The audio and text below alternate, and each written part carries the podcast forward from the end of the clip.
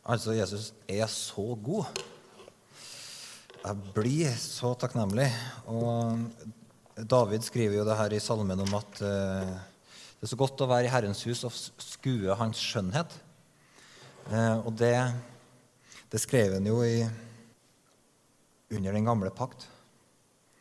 Men eh, han skrev profetisk inn i den nye pakta om hvordan det er når vi kommer sammen i Guds nærvær og bare sammen på nytt får se Guds skjønnhet gjennom eh, alt det som eh, skjer når Guds folk kommer sammen. Så på en måte får du pussa visjonen av Jesus klar gjennom at du møter han og ser han. og får se han gjennom det Gud gjør i livet til søsken. og sånn. I dag så, når jeg våkna, så idet jeg åpna øynene mine, så fikk jeg et syn. Jeg så eh, soloppgangen over ei strand der Jesus sto, på stranda. Og så hører jeg at han sier, 'Kast ut garnet på nytt'. Det her er jo Det synet er jo egentlig rett ifra fortellinga som Johannes beskriver da om etter oppstandelsen. Etter korsfestelsen og etter oppstandelsen. Hvordan Simon Peter sier til de andre jeg drar ut og fisker. Vi blir også med, sa de. De gikk av sted og steg i båten, men den natten fikk de ingenting. Da morgenen kom, sto Jesus på stranda, men disiplene visste ikke at det var han. Har dere ikke noe å spise, barna mine? sa Jesus til dem. Nei, svarte de. Kast garnet ut på høyre side av båten, så skal dere få, sa Jesus. De kastet garnet ut, og nå klarte de ikke å dra det opp. Så mye fisk hadde de fått. Så når jeg våkna i morges, var det akkurat som jeg sto midt i denne fortellinga. Og det var på en måte her, den sterke soloppgangen. Det var Jesus som sto på stranda, og så var det de her ordene 'Kast ut garnet på nytt'. Og det er, det er sånn, vet du, om eh, i, i, Bibelen så står det om sånne dager, når det er en ny dag som kommer. Så det er ikke så sterkt i den fortellinga her, men i det synet som jeg så, så så jeg på en måte den her sterke soloppgangen. Det, her forteller jo Johannes at disiplene har vært ute hele natta, og at Jesus sto der om morgenen. Men eh, Bibelen snakker ofte om sånne soloppganger fra det høye. Og det er bl.a. profetiske ord som handler om Jesus sjøl, der han blir beskrevet som denne soloppgangen som renner opp og skaper en ny dag. Og den Herrens dag, da, som når Guds sol går opp, det er jo et sånt uttrykk som brukes gjennom hele Bibelen, av at det er mange sånne Herrens dager. Pinsedag er jo et eksempel på en sånn Herrens dag, da Guds sol gikk opp og ånden ble utrent. Oppstandelsesdagen er en sånn Herrens dag, da Guds sol gikk opp og, og herredømmene endra seg. Og vi ser òg fram mot en Herrens dag hvor Jesus skal komme tilbake igjen. Og på en måte Guds sol på nytt skal gå opp igjen. og og all urettferdighet skal, skal tilintetgjøres, og all rettferdighet blir på en måte sluppet fri. så vet, når, når, Bibelen snakker om de her himmellysene så, og hvordan de endrer seg, så er det ofte eh, poetisk språk for at makta endrer seg. Peter på pinsedag han står og sier det som skjer akkurat nå, det er at månen blir til blod. sola, Nei, månen blir det blodet, og sola blir mørk. Så himmellysene på pinsedag så sier Peter at det som skjer nå, det er at månen blir blod, og sola blir mørk. Han fortalte det er en forandring i det himmelske. Makta endrer seg. Mørkets fyrste er kasta ut. Det gamle styresettet er endra. Det har kommet en ny dag. Jesus sitter på troen. I det høyeste majesteten så sitter Jesus krona. Det har steget opp en ny sol. Det er en ny dag. Før så var det de som hørte mørket til, som styrte, men nå er det kommet en ny dag. Rettferdssol har steget opp, og makta er bak de som lengter etter rettferdighet. Fordi Jesus sitter på troen. Så du vet det er sånn Når de urettferdige styrer, så er det de urettferdige som får fritt spillerom. Når de korrupte styrer, så er det de korrupte som får gjennomslag i samfunnet. Men når de rettferdige styrer, da spirer rettferdighet. Da er det de som lengter etter det som er godt og bra, som får statsstøtte, eller som får osv., osv. Så, så det her skiftet med en ny dag, da, det er, det er noe som Bibelen ofte forteller oss. Og Av og til så er ikke de nye dagene like dramatiske som på påskemorgen og pinsedag eller på Jesu hjemkomst, men det fins noen sånne nye dager hvor vi merker at nå har det skjedd noe i det himmelske. Og jeg tror at eh, vi er i en sånn ny dag der på en måte Guds sol har steget opp over høstarbeidet på en ny måte. Og der på en måte den sida av at høstens herre han har tatt et steg fram i byen vår, og han kaller på folk. Og han rører ved mennesker, og han lokker folket sitt ut. Og det, det her røsten av Jesus som eh, jeg så i det synet i morges, som sier bare 'kast garnet ut på nytt', det tror jeg er noe av det ordet som Gud òg sender til kirka si i Trondheim òg i denne tida. Kast garnet ut på nytt. For tida er sånn at eller For Peter og, og, gjengen så var det sånn at de har vært ute og fiska hele natta. Og det føltes ut som de Eller det, det, det føltes ikke ut. Det, det, var ingen fangst. Men så kom denne nye dagen, og så sier Jesus, 'Kast garnet ut.' Og så er nettet helt fullt. Og så hører jeg rapporter fra folk som sier at, at uh, det skjer ting med folk som Gud har arbeida med, uten at noen kristne har vært involvert. Så bare har det skjedd noe. Folk har vært igjennom noen ting. Gud har møtt dem i en drøm. Gud har kalt på dem, osv. Eh, det er en ny dag. Og Jesus sier at ikke se på folk bare sånn som vi har sett på dem før, men se på folk med mine øyne. Vær våken, vær en menneskefisker, vær klar. Fordi at sånn som det var i går, sånn er det ikke i dag. Sjøl om du, sånn som det var i natt, er det ikke noe i morges. Fordi at ting har endra seg. Kast garnet ut på nytt. Ehm, og eh, det betyr at når det er en ny dag for oss, så er det på en måte en sånn det er en trosgjerning, det å kaste garnet ut på nytt når du har vært ute og fiska og ikke fått fangst.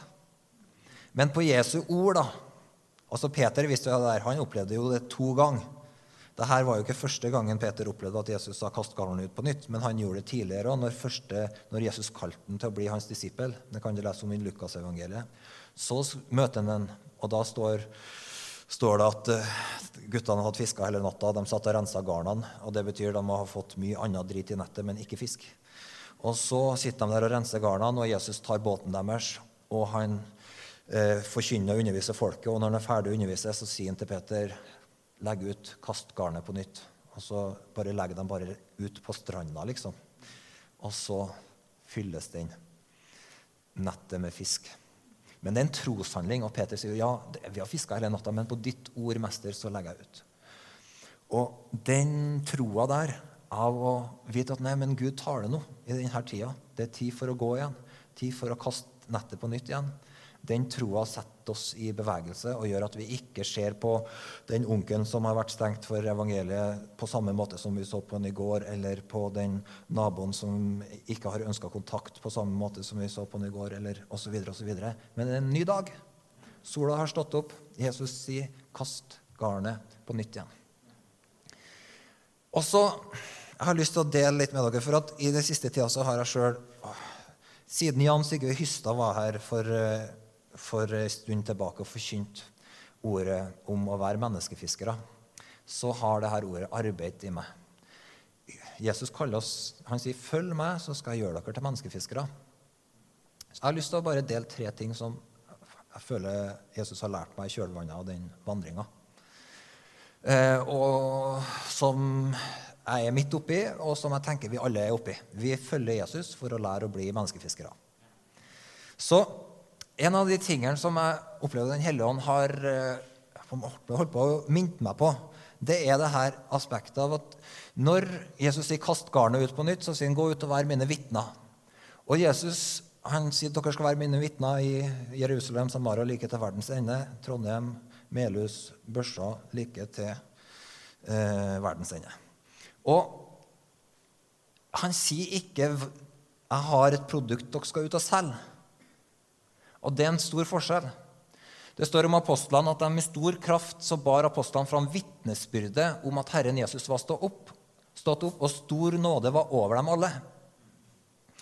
Eh, så eh, du vet at det, er, det apostlene gjorde, det var at de avla vitnesbyrdet om Jesu oppstandelse. De drev ikke og solgte inn budskapet om Jesu oppstandelse. Det er, en, det er en veldig stor forskjell. fordi at Gode selgere de kjennetegnes at de selger veldig mye. Men gode vitner de er kjennetegna at de er troverdige og ærlige og til å stole på. Så når vi kalles til å være vitner, så er det ikke kalt til å gjøres en salgsjobb. Mm -hmm. Målestokken som mennesker har, eller som Gud har, det er ikke i hvilken grad vi kan selge inn evangeliet. Men det er kallet fra Jesus er veldig enkelt. Du er kalt til å være et vitne. Og til å vitne om evangeliet. Og det betyr at troverdigheten vår er det sentrale. Å være vitner det handler om å være ærlig og pålitelig. I en rettssak så er det sånn at ja,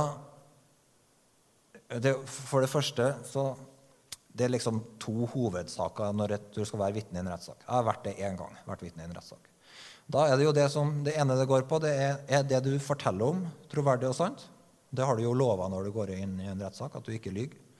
Og det andre, som ofte da prosederes, en, særlig i hvis de her vitnesbyråene kan være fellende i forhold til en dom, og sånt, så vil de sjekke ja, er vitnet troverdig. Kan man stole på det her vitnet?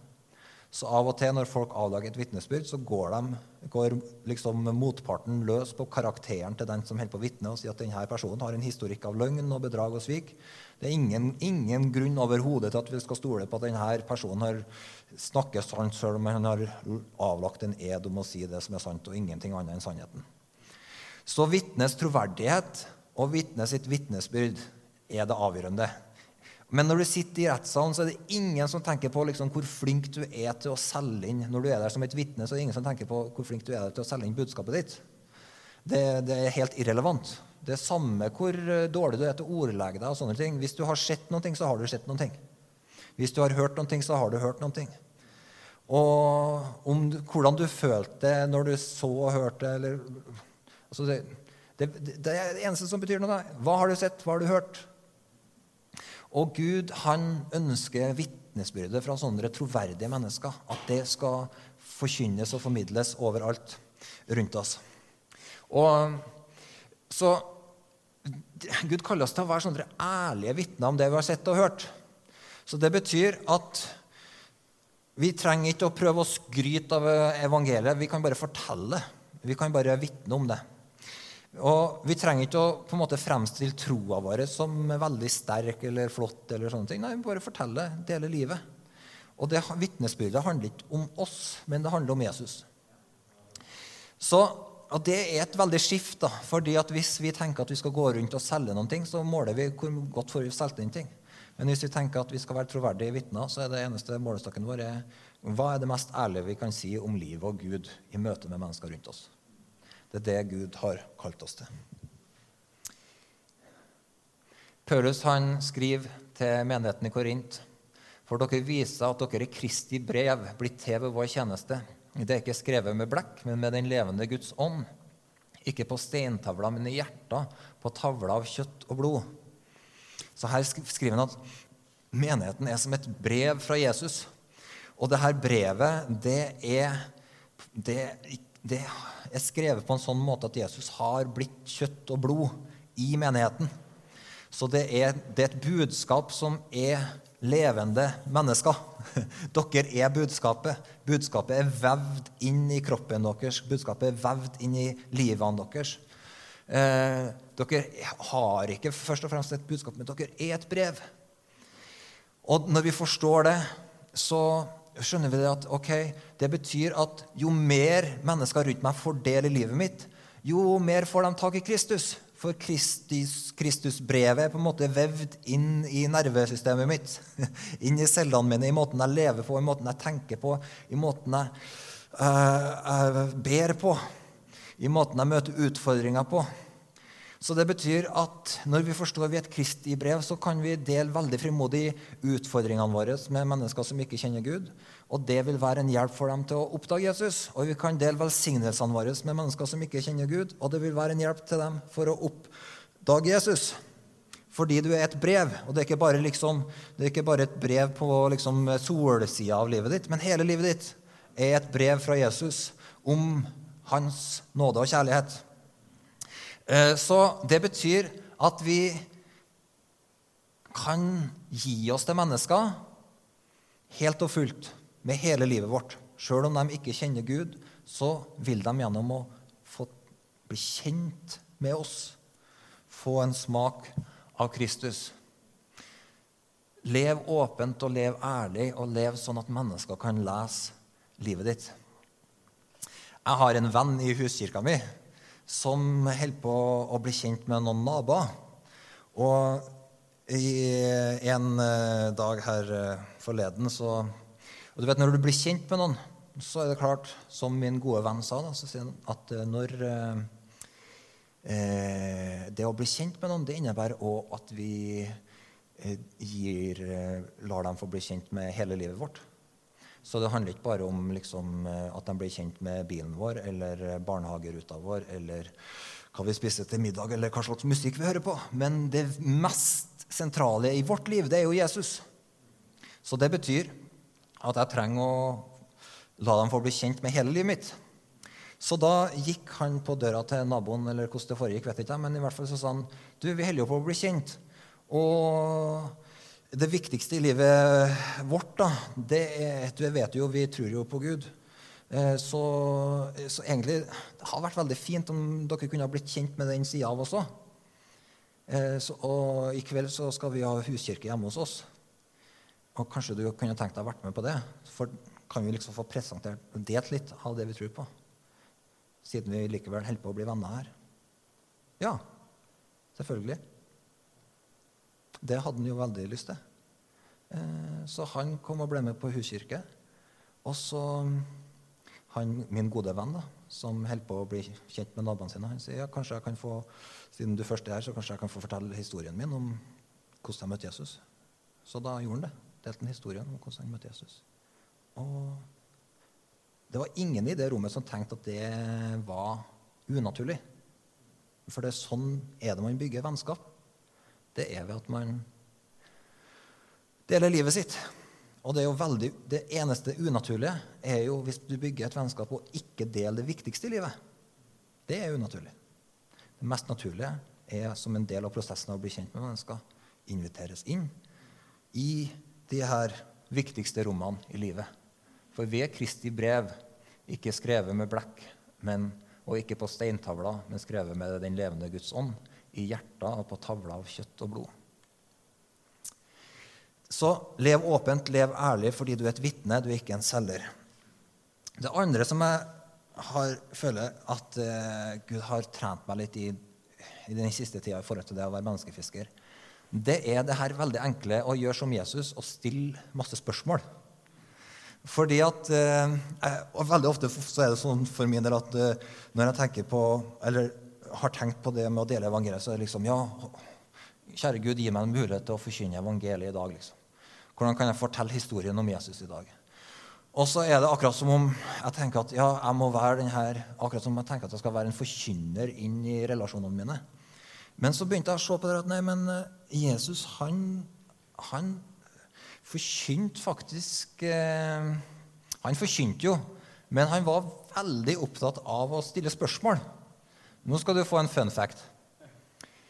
In the Gospel, Jesus asks many more questions than he answers. To be precise, Jesus asks 307 questions. He's asked 183, of which he only answers three. Asking questions was central to Jesus' life and teachings. Så Jesus Her er det en fyr som har telt, da, Martin B. Kopenhaber. Han har da skrevet boka 'De 307 spørsmålene Jesus stilte', og de tre han svarte på. Og Han har altså telt og funnet ut at Jesus stilte i evangeliene 307 spørsmål, og at han eh, blir stilt 183, men at han svarer på bare tre. Er ikke det kult? og for en som gjerne tenker at nå er det tid for å formidle noen ting, så er det her kjempenyttig. Og i forhold til det å dele evangeliet med de som man møter i hverdagen, så er det her med å stille spørsmål utrolig frigjørende. Fordi at vi holder jo ikke på å forkynne, vi er jo vitner. Så det betyr at vi trenger å, men vi trenger, i Norge i dag så trenger vi å åpne det der rommet eller den døra for å dele evangeliet. Og da er det sånne spørsmål som kan hjelpe oss til å åpne opp det rommet. Det er sånne som jeg hadde en dag jeg sto og snakka med en, en, på 84 år som eh, bor i borettslaget der vi har kontor.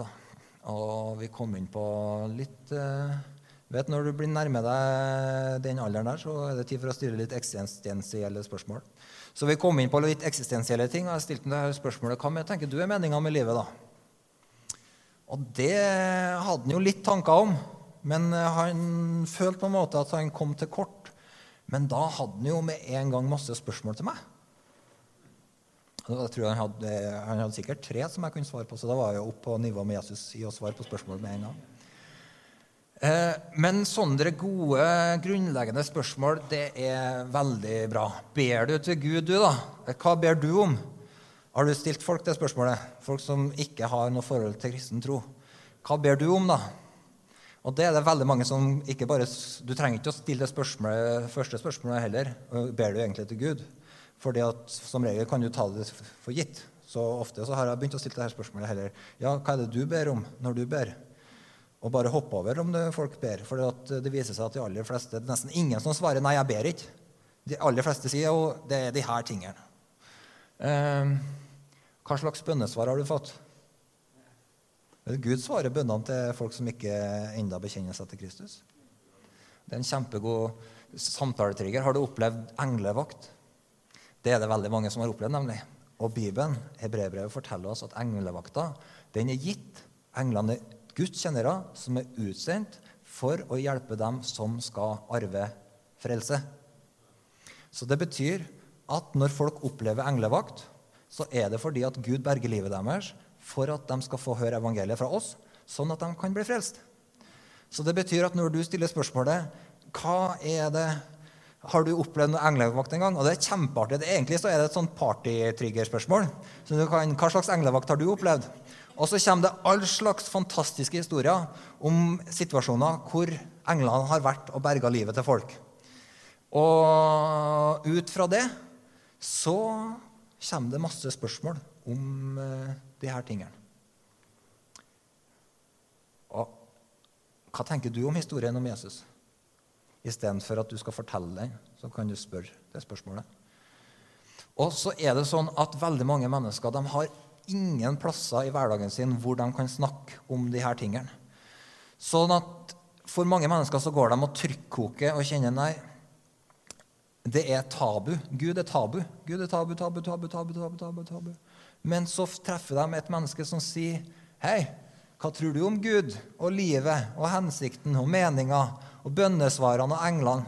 Og så er det bare sånn åh, Endelig et menneske i livet mitt hvor jeg kan snakke om de her tingene som jeg egentlig går og tenker på og lurer på, og som kommer og henter meg igjen på kvelden når jeg ligger i senga mi, eller når ting skjer, eller i begravelser. Jeg har ingen å snakke med det om. Åh, godt å kjenne denne gode naboen, som jeg vet hvem er, og som er en sånn troverdig person, men som snakker om disse tingene på en jordnær og enkel måte, og som er interessert i meg og hva jeg tror. Så det å stille spørsmål er en utrolig god ting. Og det er egentlig, du gjør folk en tjeneste. Og så er det veldig enkelt å finne ut om folk har lyst til å snakke mer om det som har med Gud og sånt å gjøre. Og så er det her i hebreerbrevet så står det da om eh, frelsen som ble forkynt. Og det står at eh, denne frelsen ble først forkynt av Herren, og siden stadfestet for oss av dem som hadde hørt ham. Også Gud har gitt sitt vitnesbyrd gjennom tegn og under og mange slags mektige gjerninger, og ved å dele ut Den hellige ånds gaver etter sin vilje. Så vi, de, mange av oss her er veldig fortrolige med den sida av åndens gaver når vi er sammen eh, i en huskirke eller i en gudstjeneste, fordi at åndens gaver dem vet vi at det er gitt for å bygge opp Jesu kropp. Så åndens gaver i form av profetiske ord, oppmuntringer, hilsener, håndspåleggelse, formidling av ting. Hele det aspektet der er vi Og det er utrolig takknemlige for å få være del av en menighet som er fortrolig med den sida, og som, som verdsetter Guds nærvær i de ulike samlingene. Her forteller hebreerbrevet oss at Guds vitnesbyrd om evangeliet det er gjennom tegn og under og mange slags mektige gjerninger, og ved å dele ut Den hellige ånds gaver etter sin vilje. Så Åndens gave er gitt for å styrke menigheten, men den er òg gitt for at, vi skal få være, for at Gud sjøl skal få vitne om eh, frelsen. Så det betyr at vi, vi har et, eh, på en måte, et privilegium at vi har en som hele tida vitner sammen med oss i forhold til evangeliet. Og det er bibelsk å ha en forventning til Gud om at han skal vitne når vi vitner. Eh, alt annet er unormalt. Sånn at, eh, og det står her at eh, disse ting skal følge de som tror.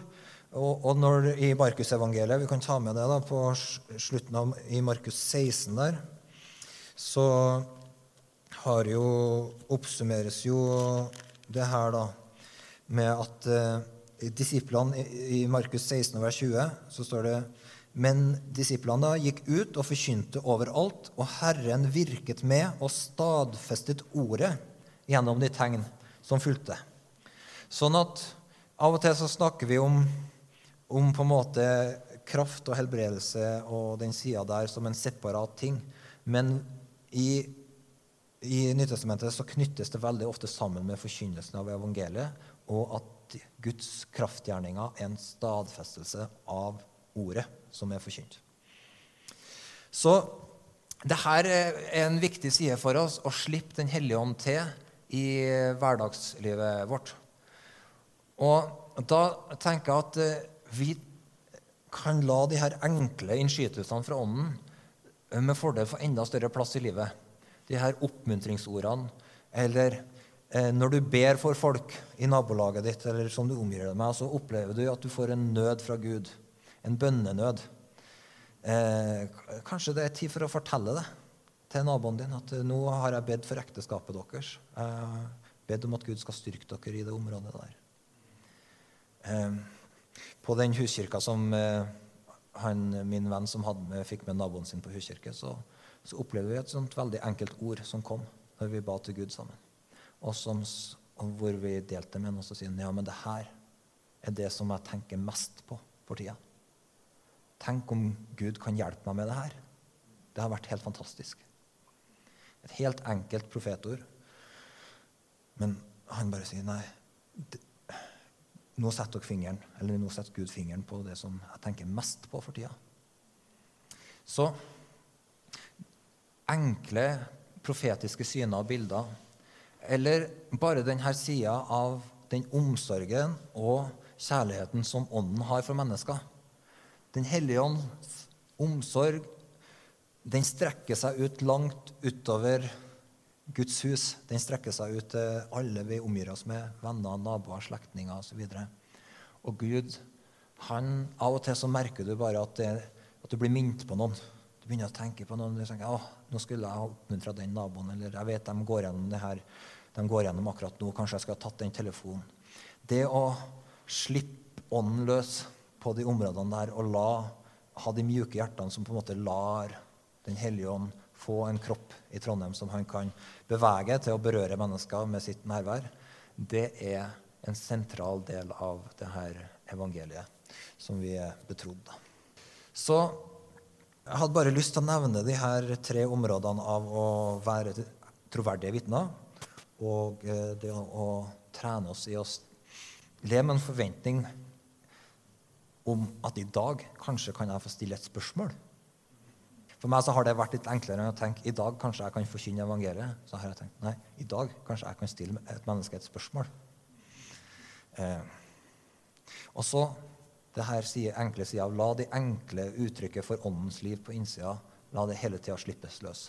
Når du merker den når du merker at det er et menneske du bærer med deg liksom en uh, halvtime gjennom dagen, ikke, ikke ignorer den stemmen, på en måte, men slipp ånden løs.